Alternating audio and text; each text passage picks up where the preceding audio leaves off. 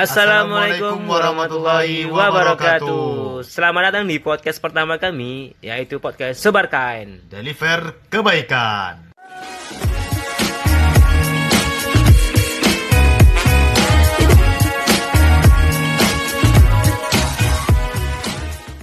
Baik, pada podcast pertama kita kali ini, kami akan membahas terkait penyakit-penyakit yang umumnya viral di masyarakat nih teman-teman.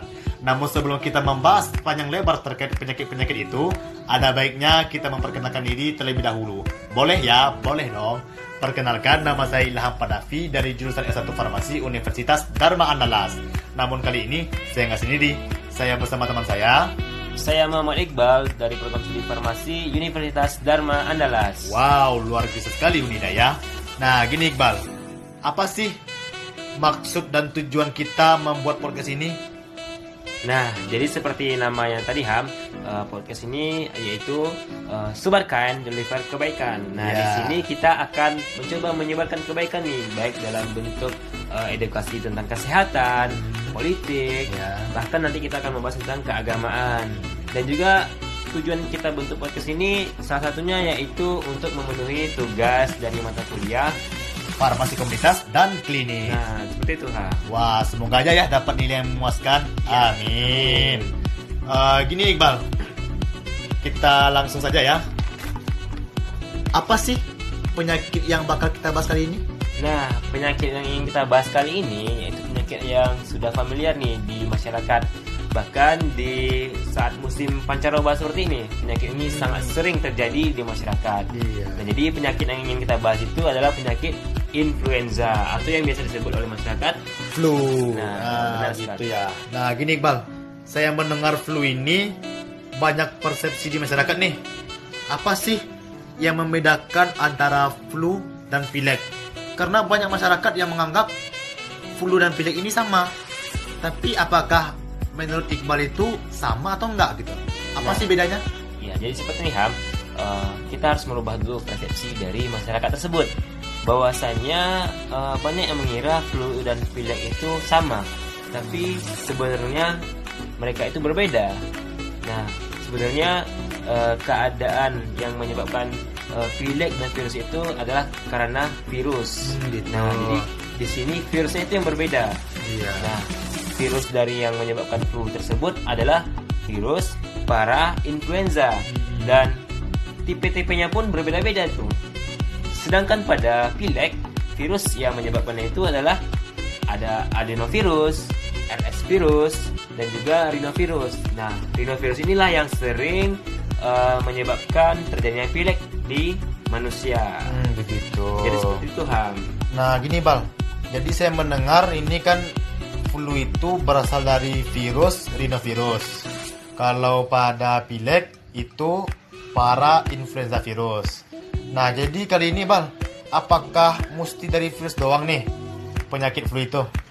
Nah, jadi virus eh, yang menyebabkan flu ini tidak eh, maksudnya yang menyebabkan flu ini tidak hanya virus saja ham, tetapi ada disebabkan oleh alergi. Hmm, gitu. Nah, misalnya alergi terhadap debu nih atau cuaca dingin. Jika eh, seseorang yang alergi terhadap debu dan cuaca dingin, maka dia akan segera atau langsung eh, terkena flu.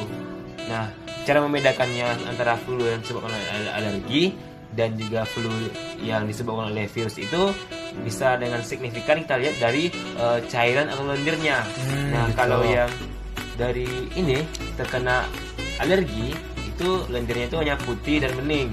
Tapi jika kita lihat dari yang ter- terkena dari virus itu lendirnya itu kekuningan dan bahkan kehijauan gitu. Hmm, begitu. Nah, jadi menurut Iqbal tadi flu yang berasal dari virus itu berwarna kuning kehijauan. Ya, lendirnya itu. Nah, kalau pada alergi itu berwarna putih lendirnya. Ya. Hmm, begitu. Nah, gini nih, Bal. Jadi kan kita melihat kan cuma sekedar flu menghasilkan lendir. Jadi gimana sih proses terjadinya itu? Nah, jadi flu ini eh, sendiri merupakan penyakit yang paling umum di masyarakat. Nah, definisi flu itu sendiri itu adalah sebuah eh, infeksi ringan dari hidung atau sinus bahkan saluran pernapasan kita ham. Hmm. Nah, proses terjadinya penyakit flu ini eh, cukup eh, menarik nih, karena kita diawali dengan adanya virus nih di eh, udara sekitar kita, dan kita kan tidak mengetahui nih virus yang ada di sekitar kita. Nah, virus ini, virus flu ini bisa masuk ke dalam tubuh kita melalui mulut dan rongga hidung, melalui udara, bisa juga melalui eh, paparan langsung dari makanan yang telah terin- terindikasi dengan virus eh, influenza tersebut dan juga bisa dengan eh, ber- terpapar langsung dengan orang yang telah terkena virus influenza tersebut seperti kita bersalaman dengan orang yang telah terkena eh, virus flu tersebut. Nah, kemudian flu- virus flu tersebut atau influenza tersebut masuk ke dalam tubuh kita dan eh, berkembang biak nih Ham.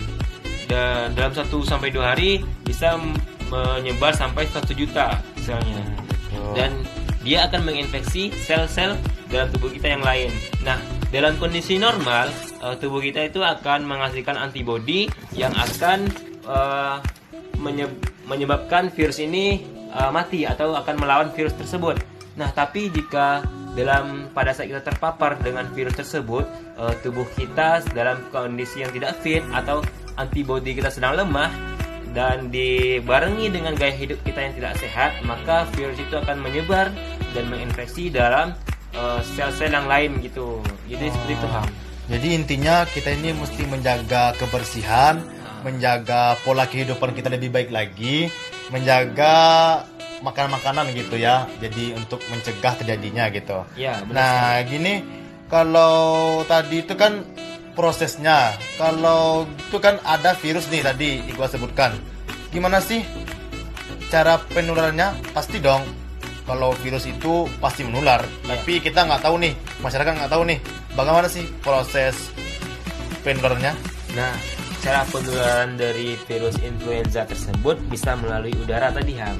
Nah, langsung melalui udara yang telah ada virus influenzanya dan juga bisa jadi eh, dengan eh, saat kita kontak langsung dengan hidung nih. Misalnya pak orang yang telah terinfeksi influenza ini dia kontak langsung dengan hidungnya, memegang hidungnya terus kita dia tidak mencuci tangannya langsung. Ah, tapi dia membiarkan itu saja dan kita kontak langsung seperti bersalaman dengan dia atau kita eh, ada bersentuhan dengan dia. Nah, lalu kita ter- telah terinfeksi dengan virus influenza nantinya. Tuh. Nah, jadi eh, seperti itu Ham cara penyebarannya sangat mudah.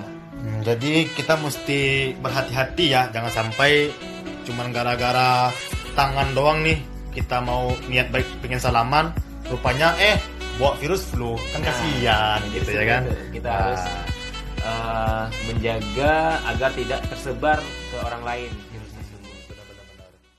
Nah jadi gini bang, kalau pengen tahu juga nih masyarakat gimana sih kita butuh obat juga nih, gitu.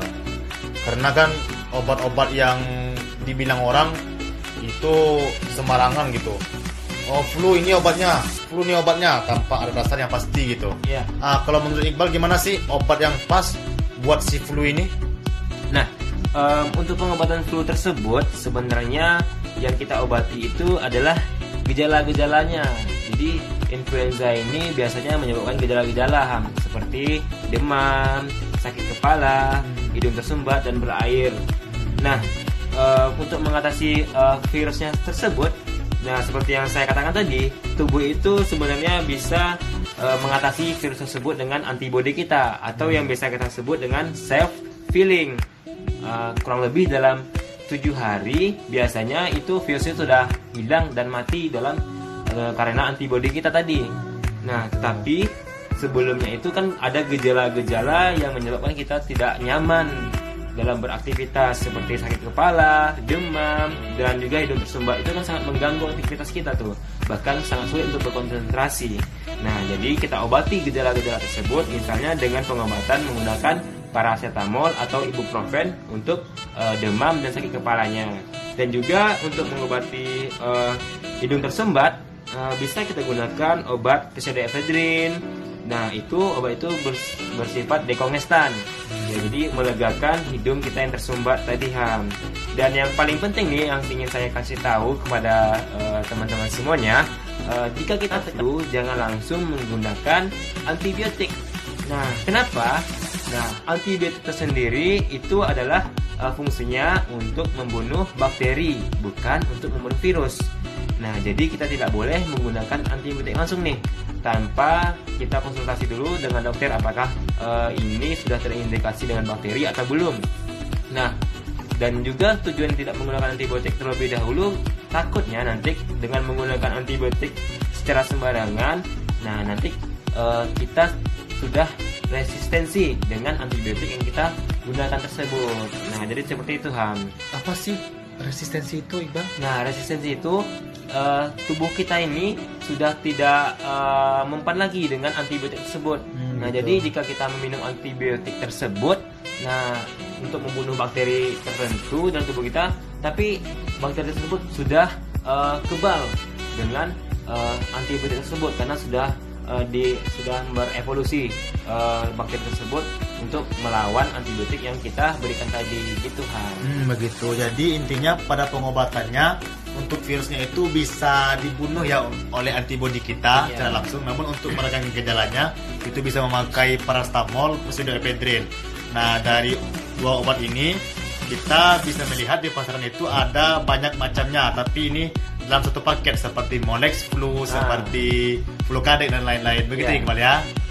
Nah sekarang ini pengen tahu juga nih pada musim pancaroba nih saya lupa tadi menanyakan pada musim pancaroba ini kan itu dari hujan ke panas Iya. panas ke hujan Hmm.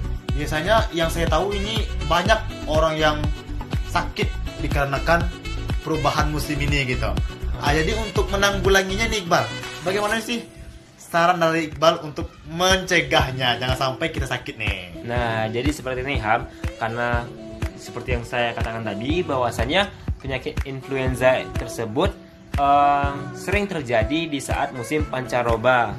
Nah, salah satu tips nih yang yang kita harus lakukan untuk mengatasi penyakit agar tidak terkena penyakit flu di saat eh, musim pancaroba yaitu yang pertama kita harus menjaga kesehatan kita dengan baik seperti menjaga pola makan kita yang sehat, terus eh, istirahat yang cukup, terus juga dengan rehidrasi eh, cairan kita. Jadi kita harus banyak minum dan juga kita bisa memproteksi diri kita.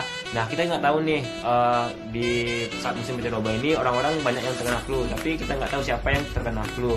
Nah jadi kita harus memproteksi diri kita, misalnya dengan menggunakan masker saat berada di luar ruangan, dan juga kita juga harus menghindari nih makanan-makanan yang eh, tidak sehat dan coba kita kurangi untuk meminum es.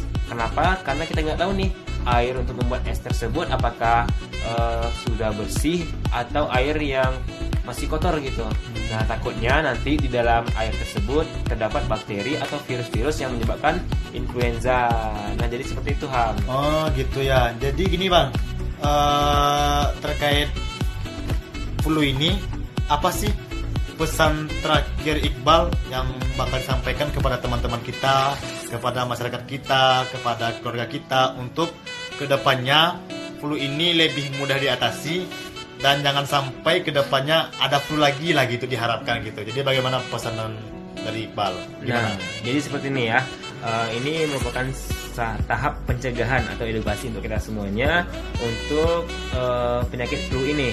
Yang pertama itu cobalah kita mulai dengan menjaga kebersihan dalam eh, kehidupan kita dan juga kita coba eh, selalu mencuci tangan sa- sa- sebelum makan atau saat kita bersin nih kita cuci tangan dulu untuk menyentuh eh, sesuatu hal agar menghindari adanya bakteri atau virus yang ada di tangan kita.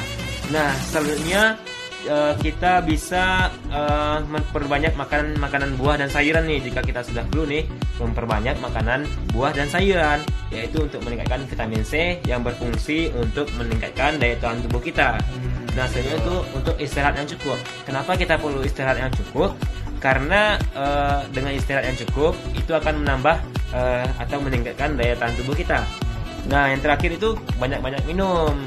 Yang kalau biasa nih minum air hangat sih ya, karena nanti biar eh, elektrolit kita itu terpenuhi dan itu bisa menjaga keadaan tubuh kita lebih sehat lagi. Jadi seperti itu Ham. Wow, mantap sekali nih penjelasan dari Iqbal. Oh iya, Kita. ini ada satu lagi nih yang ketinggalan nih Ham. Hampir Apa saja itu? lupa. Wah, lupa nih. Apa itu, Bang? Jadi untuk eh, pengobatan flu ini eh, ada pengobatan yang alami nih Ham. Apa itu? Nah, jadi bisa menggunakan jahe. Nah, jahe ini bersifat antioksidan. Ah, Nah, dia itu bisa mencegah infeksi eh, dan juga meningkatkan ketahanan tubuh kita. Dan juga bersifat dekongestan nih. Nah, dari dekon- dekongestan tersebut adalah untuk melegakan hidung kita yang tersumbat dan juga diaporetik yaitu mengeluarkan keringat dalam tubuh kita sehingga menghangatkan tubuh kita. Jadi jahe ini bisa kita rebus dan juga eh, kita tambahkan sedikit madu untuk memberikan rasa manis dan kita minum airnya seperti itu ha. Wah, segar sekali nih kayak ini. Ya. Wah, mantap sekali. Baiklah, itulah penjelasan yang pakem banget nih dari Iqbal tadi. Semoga kepada teman-teman, masyarakat dan keluarga kita semua terhindar dan terbebas dari penyakit flu ke depannya. Dan jika ada varian flu datang, kita lebih dini mencegahnya. Ya. Semoga ya. Dan semoga ini bisa menjadi eh, panduan juga ya bagi eh, teman-teman semuanya untuk eh, mengatasi penyakit flu. Benar sekali, Iqbal. Baik, pada podcast kami kali ini, terima kasih kepada teman-teman atas perhatiannya. Semoga ilmu yang diberikan ini bermanfaat bagi kita semuanya. Amin. Amin, ya rabbal alamin.